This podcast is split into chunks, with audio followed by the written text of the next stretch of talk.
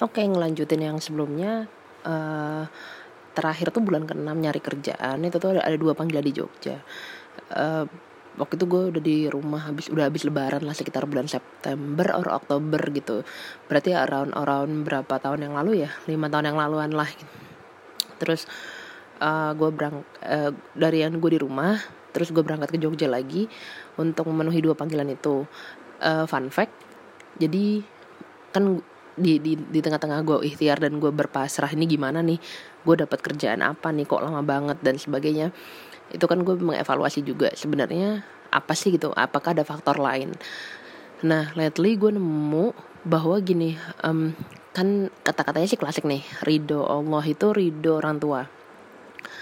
Nah kadang gue tuh mikir jangan-jangan memang orang tua gue yang nggak ngeridoi selama ini gue nyari kerjaan gini gini gitu gitu sehingga memang nggak dikasih jalan gitu belum dikasih jalan sama Allah. Terus uh, gue ngambil satu waktu waktu pas abis abis nerima telepon untuk panggilan uh, interview di dua tempat di di Jogja. Itu tuh gue ngambil satu waktu gue gue cerita ke bokap nyokap gitu. Gue gue nanya apakah kalian uh, meridoi. Apakah memang kalian pengen uh, mengizinkan pengen gue ada kerjaan di uh, Jogja? Surprisingly waktu itu jawabannya nyokap. Nyokap memang pengennya gue di Jakarta. Bokap pengennya juga iya gitu. Cuman kalau bokap yang kayak lebih ya udahlah yang di mana aja gitu. Yang penting bisa nyari uang sendiri bisa hidup mandiri dan sebagainya. Maksudnya karir tuh kan bisa dikejar uh, belakangan gitu. Yang penting kayak ini nih pengalaman pertamanya itu ya terserah di mana aja. Yang penting kerjanya baik jujur halal. Nah gue sampai akhirnya minta minta restu lagi ke nyokap gitu kan. Nggak apa-apa kan kalau di Jogja dulu gitu buat buat as a starter gitu kan. I never think that I will be ended up in Jogja juga gitu. Cuman as a as a starter I think it's fine. Terus uh, nyokap akhirnya bilang iya udahlah nggak apa-apa. Yang penting kamu uh, bisa nyari kerja dan bisa dapat uang sendiri gitu kan habis itu gue berangkat ke Jogja. Uh, cobaan selanjutnya adalah waktu itu gue nyampe Jogja kan gue gue pakai bus malam. Terus gue nyampe Jogja itu sekitar subuh gitu. Nyampe Jogja sekitar subuh terus gue tidur. Pokoknya selama kan di Jogja kan udah gak ada kos kosan lagi jadi kayak nginep di tempat temen gitu gitulah nebeng nebeng gue tidur tuh tidur dulu sebelum interview itu sekitar siang lah gitu. Gue tidur dulu gue bangun jam 9 pagi mendapati HP gue banyak banget yang miss call gitu orang rumah. Terus uh, gue telepon balik kenapa? Ada apa? Gue bilang gitu kan. Ternyata waktu itu uh, nenek gue mbah mbah dari bokap jadi mbah dari bokap itu meninggal. Terus gue yang kayak aduh gimana nih? Gitu karena uh, it's a hard position gitu always a hard position. Jadi gue uh, gue, gue hidup gede dengan tiga mbah dari bokap itu adanya nenek. Waktu itu jadi uh, kakek dari bokap udah meninggal lama sebelum gue lahir. Terus jadi gue cuma ketemu nenek dari bokap. Terus uh, dari nyokap selengkap mbah kakung mbah putri ada. Nah tiga mbah gue ini uh, jeleknya gue adalah mungkin suatu penyesalan. Ini ini cerita lain suatu penyesalan gue adalah dari tiga mbah gue ini tiga tiganya gue nggak menghadiri pemakamannya. Uh, yang pertama yang pertama itu nenek mbah uti dari nyokap dari mama. Itu beliau nggak ada pada saat gue waktu mau wisuda. Kayak gue lagi uh, ngurusin apa hal wisuda lah gitu banyak lah gitu perintilannya uh, dan kayak bokap nyokap ngerti sih kalau gue nggak mungkin bisa balik. Terus juga sebelumnya gue udah gue udah di rumah lama sebelum wisuda itu. Jadi kayak ya udah nggak apa-apa yang penting doanya. Terus yang kedua ini mbah dari papa waktu itu meninggal pas aku juga pas gue lagi mau mau interview kerjaan. Sebelumnya gue juga di rumah bahkan malam sebelumnya kan gue memang udah udah dari rumah gitu. Udah minta restu segala macam minta maaf dan sebagainya. Memang udah sakit beliau terus gue juga nggak bisa datang karena gue interview kerjaan itu. Terakhir mbak kakung kemarin-kemarin gue nggak bisa datang karena memang gue ada kerjaan uh, memang sebelum sebulan sebelum uh, beliau udah sakit. Sebulan sebelumnya gue udah uh, mengunjungi beliau udah uh, bercengkrama segala macam ya udah gitu. Jadi uh, kembali lagi ke cerita awal gitu. Mbah meninggal gue nggak bisa datang gue harus tetap interview bokap nyokap ngertiin juga ya udah uh, I go ahead interview.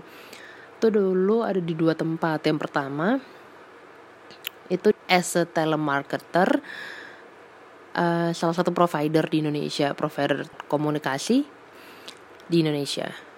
Terus tapi yang base di Jogja. Itu tuh ternyata dia outsourcing jadi uh, waktu itu tes tes waktu itu bukan interview ya. Tesnya tuh ada tes ngetik ada tes ngomong ada tes apa ya kayak psikotes gitu. Bareng beberapa batch jadi satu batch itu ada 10 15 orang. Terus dites bareng-bareng terus nanti uh, dikasih tahu kalau emang nanti masuk ini adalah batch barengan kalian. Terus nanti ada surat uh, keterangan yang harus ditandatangani oleh keluarga uh, yang ada ada salah satu eh iya ya ada pernyataan bukan keterangan. Ada salah satu pasal yang memuat kayak uh, penahanan ijazah terus ada yang kayak uh, dikasih izin nggak untuk kerja uh, sampai malam dan sebagainya. Itu outsource banget lah gitu.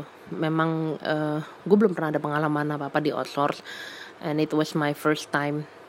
Terus dikasih waktu untuk mikir dulu kan berapa hari ya? Tiga hari apa ya?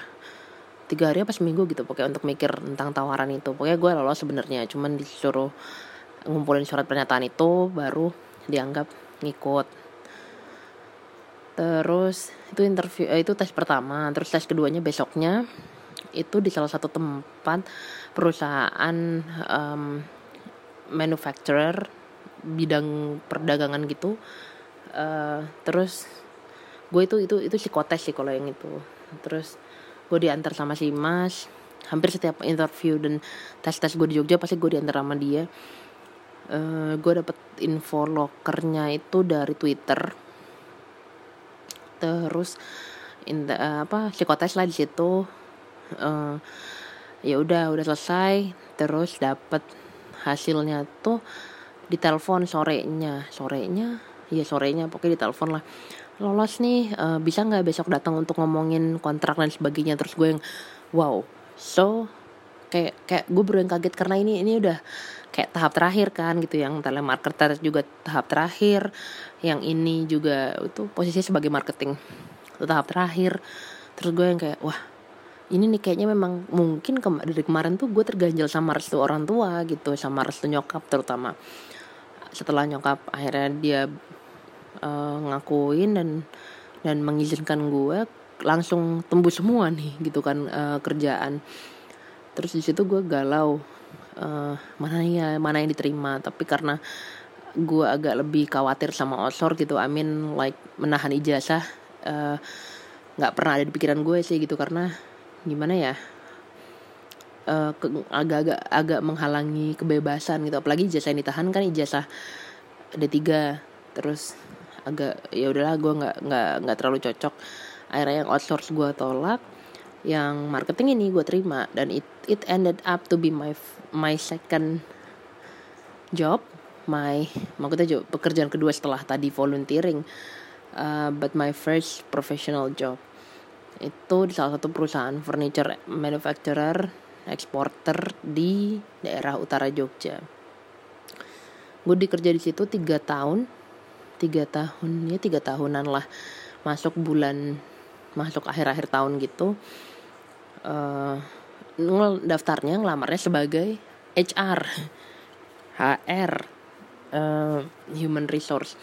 Staff HR karena yang kualifikasi D3 waktu itu hanya staff HR tapi ternyata pada saat ngomongin kontrak itu diceritain kalau uh, I can do more in a marketing yang yang mana waktu itu kualifikasi sebenarnya S1 marketingnya terus gue yang kayak marketing apa ya ini? Gitu kan. Gue minta diceritain job desknya dan sebagainya because it's very new dan kata-kata marketing itu di pikiran gue masih yang kayak pemasaran banget gitu yang masih kayak uh, sales pemasaran gitu. Ternyata buat di dunia ekspor it's not like that. Ya memang memasarkan tapi dengan cara uh, nggak yang langsung gitu loh nggak yang direct direct marketing direct approach tapi memang um, lebih kayak account manager lebih ngehandle everything for the buyers uh, clients dan sebagainya. Lebih kayak account manager. Terus akhirnya singkat cerita gue action nginepnya. Terus diobrolin job desknya gue cocok salarinya gue cocok uh, and that was that. Per seminggu dua minggu dari tanggal itu gue boleh berangkat kerja bersyukur seneng. Tapi juga mikir berarti gue harus cari kos, kos kosan di Jogja lagi harus pindahan kos kosan lagi. Jadi ya ah ya udahlah oke nggak apa-apa gitu disyukuri. Nyari nyari kos kosan dulu terutama yang bisa bayarnya per bulan terutama yang sesuai dengan budget. Terus abis itu balik tuh ditemenin sama si mas pakai mobil uh, biar bisa sekalian pindahan. Jadi langsung pindahan bawa-bawa barang lagi seperti itu. Terus gue pengalaman kerja itulah tiga tahun. Banyak banget banyak banget yang gue pelajarin uh, tentang tentang ekspor. Itu gue kayak kayak kayak masuk ke dunia baru sih. Tentang ekspor. Terus abis tentang ekspor terus gue belajar soal marketing. Gue belajar how to write a proper and good business letter business email how to um, handling customer how what what appropriate to stay in a for a customer sebagainya belajar untuk uh, berbisnis dengan orang beda budaya itu kayak apa uh, tata keramanya seperti apa. Bahkan gue ikut pameran uh, di Jakarta terus ya kayak apa uh, for being an exhibitor for banyak lah gitu pengalamannya. Dan pengalaman yang uh, kayak kayak gue ngerasa kayak belajar di suatu lembaga tapi gue dibayar juga. Maksudnya belajar tentang kehidupan belajar tentang uh, bersosialisasi sama teman-teman kantor belajar tentang etika-etika dalam berhubungan dengan or senior senior belajar mengikhlaskan ketika ada rekan kerja yang resign. So much more experiences and life learning that I got dan akhirnya setelah tiga tahun sebenarnya targetnya gue dua tahun. Niatnya gue tuh dari awal niatnya ya udahlah dua tahun adalah tahun minimal yang gue bisa kayak dapat surat rekomendasi dan akhirnya loncat lagi ke perusahaan lain. Ternyata waktu di tahun kedua itu uh, gue udah gue udah nyoba nyebar nyebar CV lagi cuman susah lagi gitu susah tembus lagi. Entah mungkin juga bos belum meridoi atau sebagainya uh, tapi gue nggak bilang sih. Gue cuma bilang karena memang kita deket ke HR-nya kita deket ke HRD-nya kita sering cerita aja. Mereka juga nggak nggak menghalangi untuk yang penting uh, bisa belajar lagi di tempat lain. Syukur-syukur ya tempat yang lebih baik. Uh, terus tahun ketiga gue udah mulai jenuh dengan rutinitasnya terus gue ngelemak nyebar nyebar lagi ngelamar ngelamar lagi kerjaan yang mirip mirip dan ternyata turns out di Jogja itu uh, as a exporter tuh banyak banget. Jadi kalau kamu udah berkecimpung ke satu itu sebenarnya linknya gampang untuk kayak ke perusahaan-perusahaan lain yang serupa gitu. Cuman kan gue nggak mau kayak cuman pindah uh, ke perusahaan lain tapi terus kayak saingan gitu. I don't want to be like that.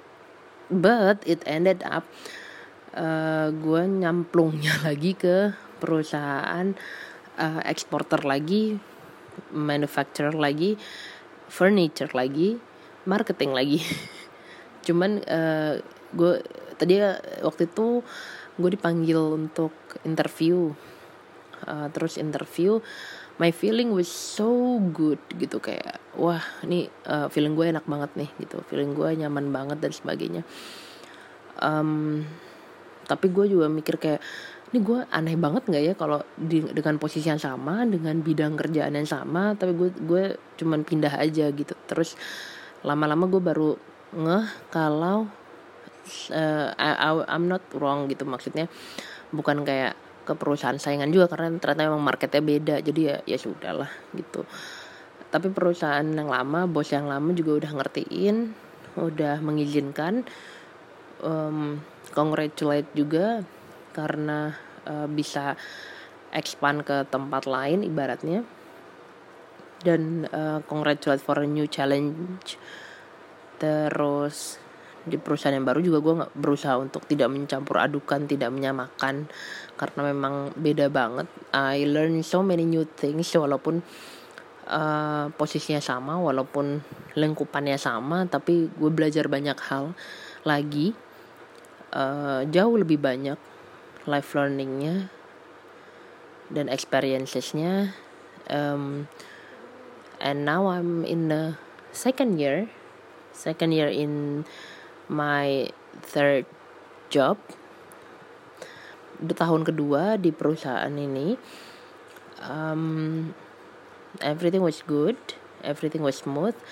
Tapi tentang apa-apa aja yang gue pelajarin dan yang gue bisa ambil uh, buat pelajaran lagi nextnya di kehidupan ke depannya dan apakah gue akan mengekspan lagi itu masih misteri ilahi.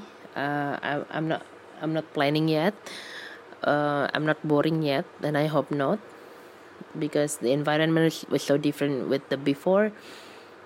Um, ya yeah, dan dan gue lagi kayak ngalamin masa-masa produktif kerja aja gitu. Lagi lagi bisa ibaratnya kalau kalau mungkin uh, apa pas gue denger gitu oh ini lagi ini anak berarti lagi lagi minta dikasih challenge lagi bisa digenjot untuk uh, gali explore something lebih dalam. Karena karena kerjaannya beda dari yang gue kerjain sebelumnya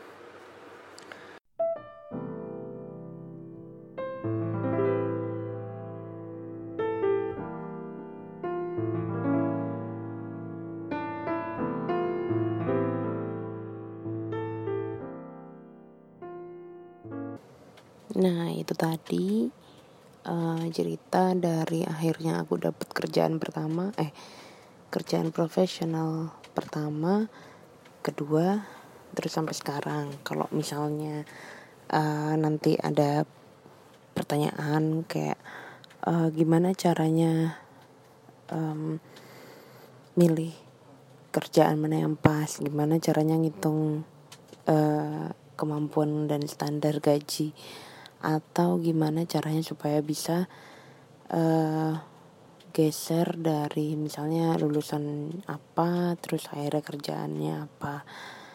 Itu mungkin nanti aku coba bantu-bantu dikit-dikit jawab. Tapi intinya adalah aku um, udah berbagi ceritaku dan semoga itu bisa menginspirasi. Kalau yang masih memang masih di tahap galau untuk milih kerjaan atau ngikutin passion misalnya atau ataupun agar lo kenapa kok belum ada yang tembus-tembus nih lamarannya gitu. Mungkin enak-enak aja sih dengerin ini gitu. Karena ya memperjuangkan orang nyari kerja tuh menurutku beda-beda sih dan ada cerita pasti ada ceritanya masing-masing. Um, jadi nikmatin aja prosesnya sambil bolak-balik dilihat dari faktor mana nih kok masih belum tembus-tembus juga gitu. Thank you for listening. Um, ngobrol-ngobrol berbagi ceritanya. Nanti beberapa episode ke depan mungkin nggak nggak seserius ini nggak sepersonal ini. But anyway thank you for listening. And if you have any questions or uh, comments you can just uh, going directly to my email or through my social media or anywhere Makasih. Bye.